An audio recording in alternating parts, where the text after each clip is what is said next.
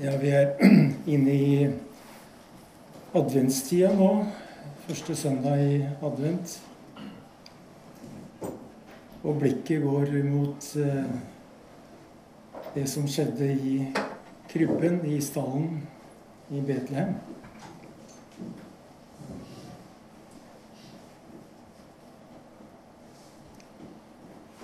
Vi har en tilbøyelighet til å framstille det som skjedde i stallen i Betlehem, på en noe idyllisk måte. Ser bilder og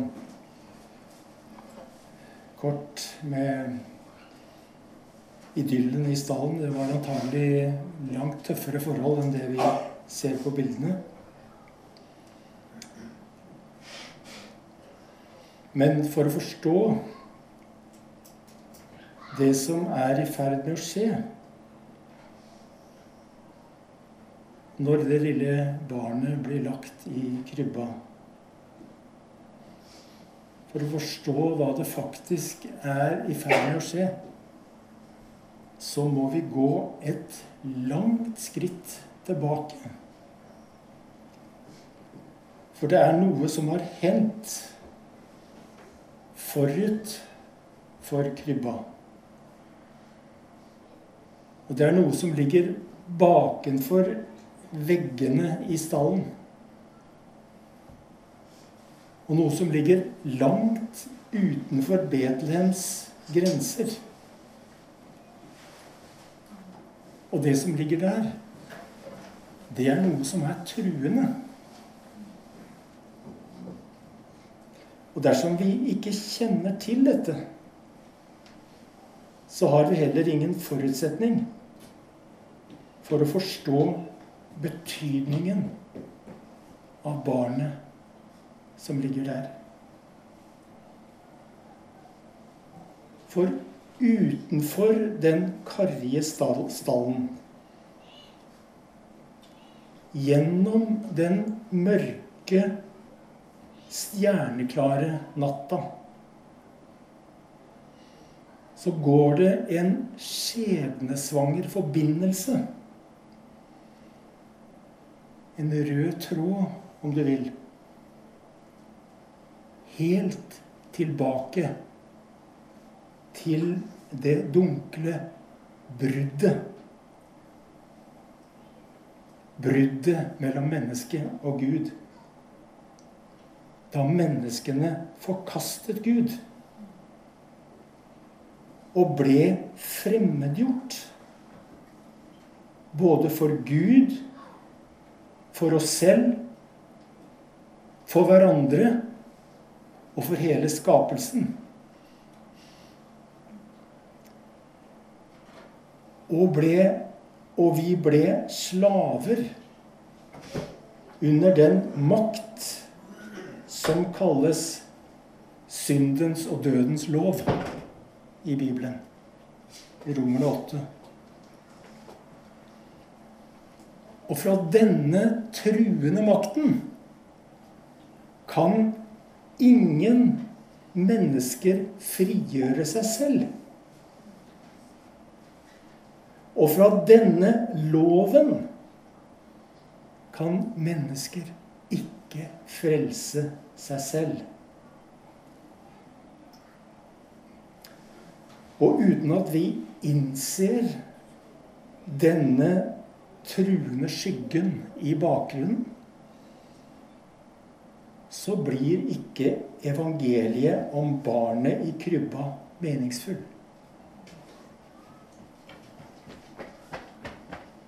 Når det går opp for oss at det ikke bare er krig og terror og rasisme og miljøødeleggelser der ute i horisonten som er trusselen.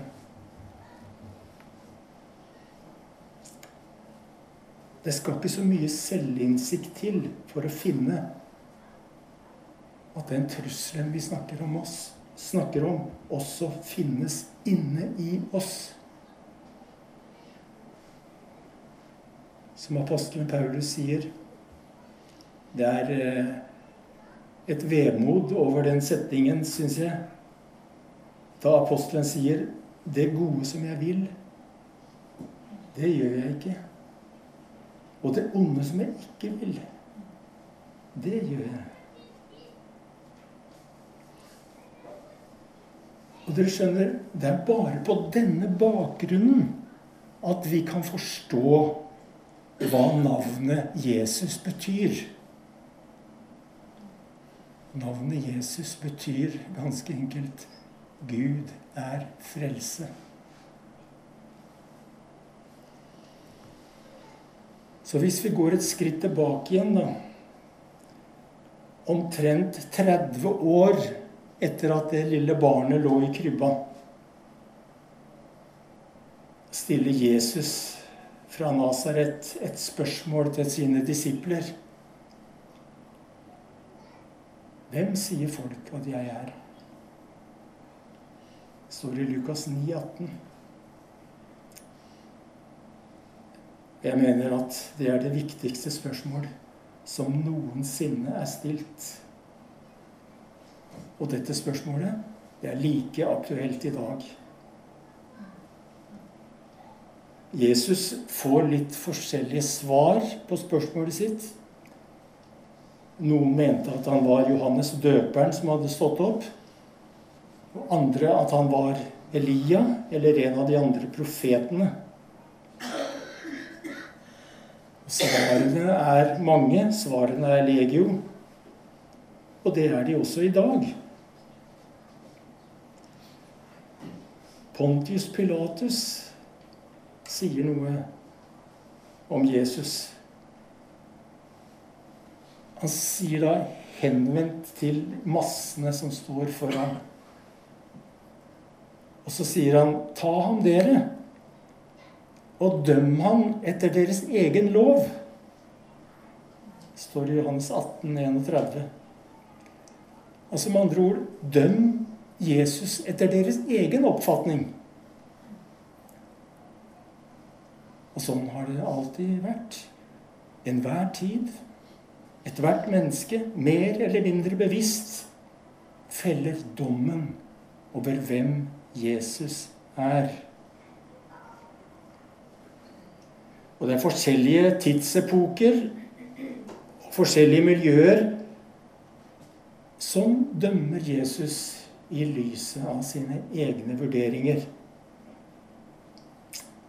Markus sier i det 14. kapittel mange vitnet falskt om ham, men deres vitnesbyrd stemte ikke overens. Så hvem er han? Barnet i krybba. Jesus fra Nasaret. Egentlig er svaret på dette spørsmålet så høyt og dypt og bredt at det ikke kan rommes av tanken. Men svaret er komprimert i Johannesevangeliet. I Johannesprologen, i begynnelsen av evangeliet, hvor vi leser I begynnelsen var Ordet. Ordet var hos Gud, og ordet var Gud. La den setningen hvile litt. Ordet var Gud.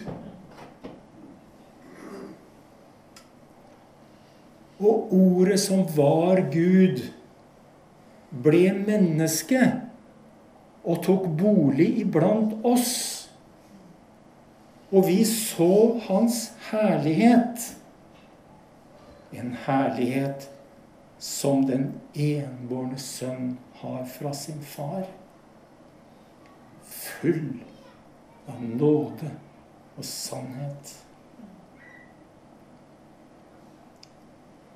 Barnet i krybba er Gud. Barnet i krybba er Gud kommet fra evigheten inn i tiden. som et sårbart menneskebarn.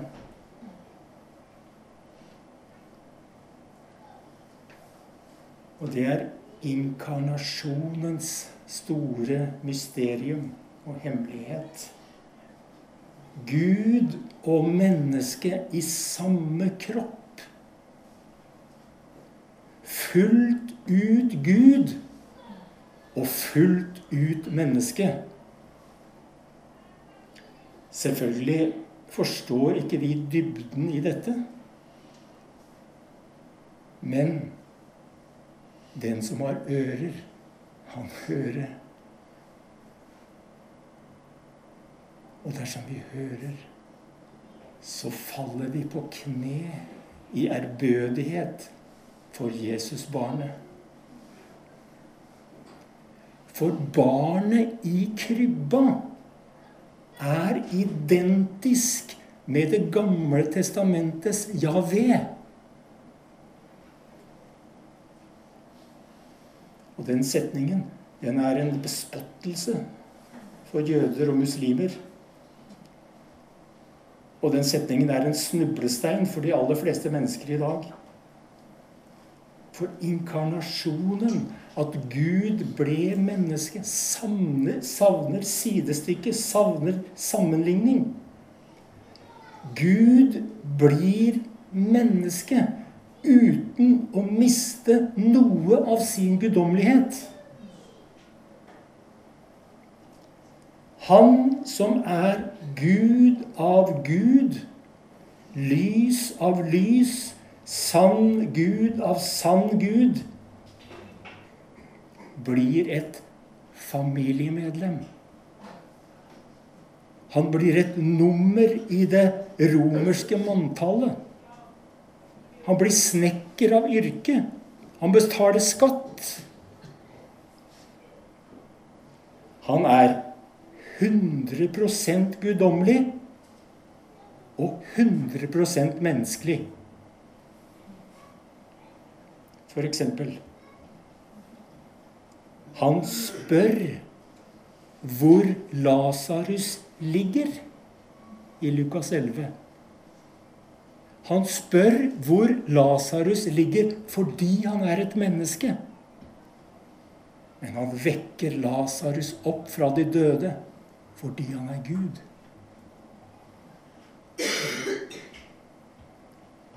I kristen tro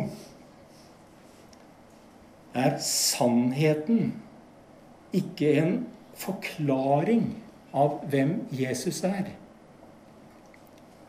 For sannheten om Jesus avsløres bare når vi får være med ham på forklaringsfjellet.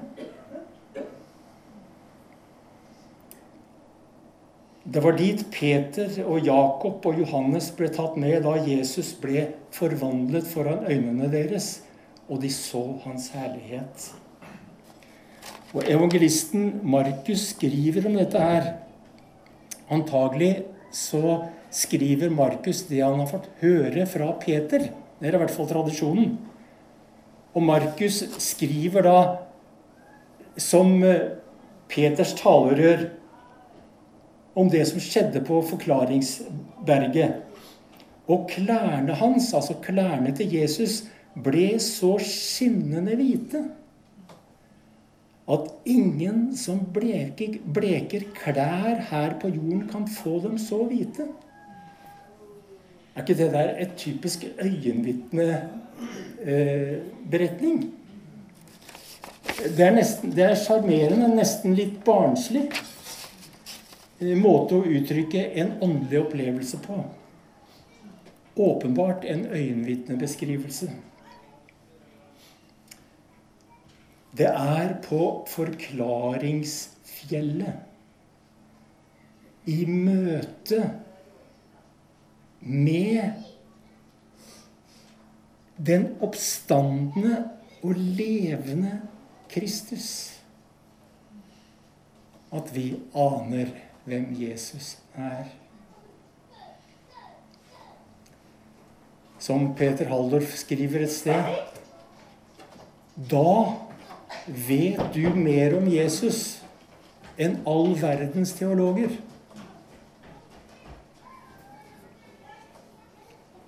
Sannheten om Jesus er en åpenbaring og en gave til den som tror og tar imot.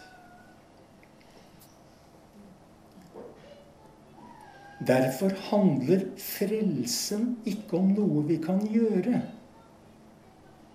Men frelsen handler om delaktighet i Jesus. Og i Hebreerne, det første kapittelet og det første vers, så leser vi mange ganger og på mange måter har Gud i tidligere tider talt til fedrene gjennom profetene. Men nå, i disse siste dager, har han talt til oss gjennom Sønnen. Han har Gud satt til arving over alle ting.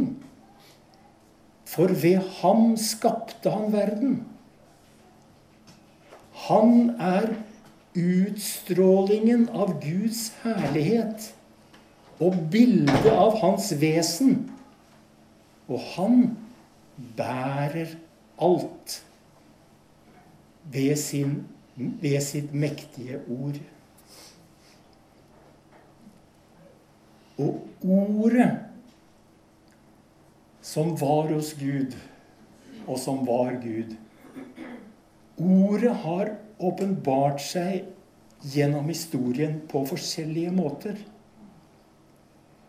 Ordet har gitt seg til kjenne gjennom skapelsen, som er et vitnesbyrd om Gud. Og vi leser om det i Romerne 1,9, hvor det står det vi kan vite om Gud, ligger åpent foran oss. Og apostelen henviser her til skapelsen. Det er her de åndelige tradisjonene og religionene finner sin dypeste opplevelse av Gud. Deretter har ordet åpenbart seg i historien gjennom det jødiske folket, i en lov i en hellig skrift. Og til slutt skjer ordets personlige inkarnasjon gjennom Sønnen. I barnet i krybben. Og nå er ikke lenger det vi kan vite om Gud, en upersonlig guddommelighet. Og loven som ble gitt til det jødiske folk, står ikke lenger som et krav som vi aldri kan overkomme, og som gjør foreningen med Gud umulig. I Jesus Kristus har Gud selv åpnet en ny og levende vei like inn i helligdommen. En ny og levende vei mellom Gud og menneskene. Og på dette, folkens, hviler hele den kristne troen. For den som er kristen, går veien til Gud alltid gjennom Jesus. Og derfor kan den kristne troen heller aldri handle om hva vi kan gjøre. For den kristne troen handler om å bli delaktig i den enheten mellom himmel og jord som Jesus har skapt. Og all kristen praksis, bibellesning, bønn, gudstjeneste og diakoni handler om å kjenne Jesus og bli fordypa i fellesskapet med Han. så tenkte jeg Kan vi senke garden i dag? Her vi står eller sitter. Kan vi senke garden i dag mot alt som truer? Og si ja til Guds frelse. Til hans initiativ. Da kan vi finne inn til den dype takknemligheten og hvilen som den har som tror på Jesus og hva han har gjort. Frykt ikke, er engelens budskap. Se, jeg forkynner dere en stor glede en glede for hele folket. Det er bare ordet som har kraft til å frelse. Og det er troen som gjør det til mitt. Og det er nåden som befester frelsen og troen i relasjon til Kristus. Hvordan vi enn føler oss i dag. Vi kan senke, senke garden. Ta imot og hvile. Alt er ferdig.